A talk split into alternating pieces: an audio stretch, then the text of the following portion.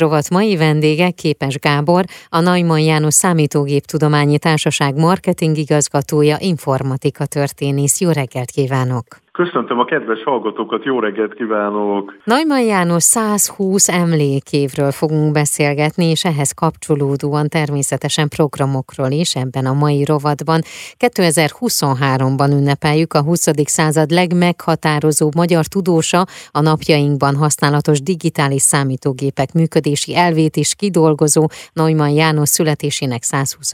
évfordulóját. Hogyan tudták kialakítani ezt az emlékévi programokat? Ki mindenki vett részt benne? Hát nézze, azt kell mondjam, hogy egyrészt az egész Neumann társaság, uh-huh. mi 55 éve viseljük Neumann János nevét, 1968 óta vagyunk egy tudományos egyesület az IT területen, és azt hiszem, hogy a Neumann társaságnak nagy szerepe volt abban, hogy még a vasfüggöny mögött is, tehát a, még az előző rendszerben is Neumann Jánost elfogadták Magyarországon annak ellenére, hogy ő Amerikában alkotott a, a hidegháború másik táborában, hogy így fogalmaz. Uh-huh fogalmazzak. És hát a mai Neumann társaság csapata már nagyon készül erre a Neumann emlékévre, tulajdonképpen már benne vagyunk ebben a, az évben, mert Neumann János decemberben lett volna 119 éves, tehát uh-huh. a, a 120. évben benne vagyunk, és ebben a, az ünnepség sorozatban az Óbudai Egyetem egy nagyon jó partnerünk, számos konferenciával, versennyel,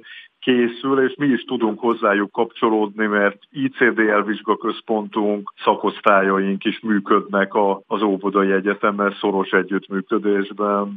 Ebben az évben, hogy átfutottam a programokat, hát tényleg minden lesz. Lesz konferencia, lesz kiállítás megnyitó, van diákpályázat, van tehetségkutató program. Hogyan fog felépülni ez az év? Nem csak a múltba nézünk, hanem azt mutatjuk meg, hogy Najman János és kortársai hogyan hatnak olyan mai területekre, mint például a játékelmélet, amelynek Najman János a kiinduló pontja, vagy akár a mesterséges intelligencia és a robotika, a robotikai tehetséggondozás. Az év hátralévő részében pedig, ami szerintem nagyon izgalmas, egyebek mellett, mert hozzá kell tegyem, hogy a Neumann120.hu oldalon tényleg nagyon sokféle uh-huh.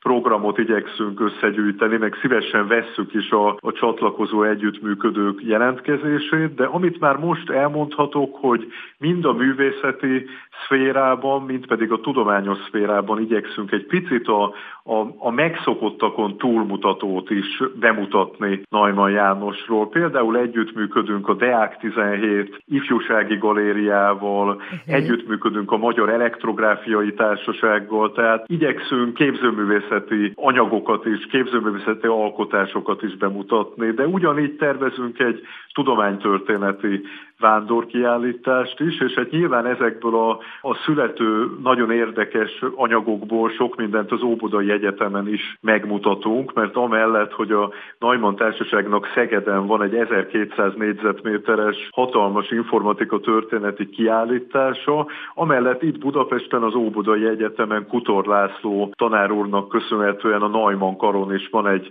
fantasztikus informatikai gyűjtemény, tehát az azzal való kapcsolódás is biztos, hogy nagyon izgalmas szinergiákat fog biztosítani a Neumann év során. Itt meg fog-e mutatkozni, és mostanában hozzám egyre többször érkezik ilyen kérdés, hogy a nők mennyire jelennek meg ezen a területen, és mennyire tudnak helyzetbe kerülni, mennyire kapnak teret? Ez egy nagyon jó kérdés egyébként, engem is foglalkoztat ez a téma, mert hogyha megnézzük a magyar informatika nagyjait bemutató különböző összeállításokat, akkor azért látható, hogy túlnyomó részt férfiakat mutatnak be, nem valamilyen előítélet miatt, hanem azért, mert akkoriban az oktatási rendszer, az akkori társadalmi elvárások miatt mondjuk ilyen nagyon magas vezető pozícióba azért inkább kerültek férfiak. De ez nem jelenti azt, hogy a, a nőknek bármiben is hátrányt kellene szenvedniük, sőt, hát tulajdonképpen ők minden szempontból egyenlőek, és nagyon fontos az, hogy ezt hangsúlyozzuk. Najman János kapcsán is fogjuk hangsúlyozni, mert az ő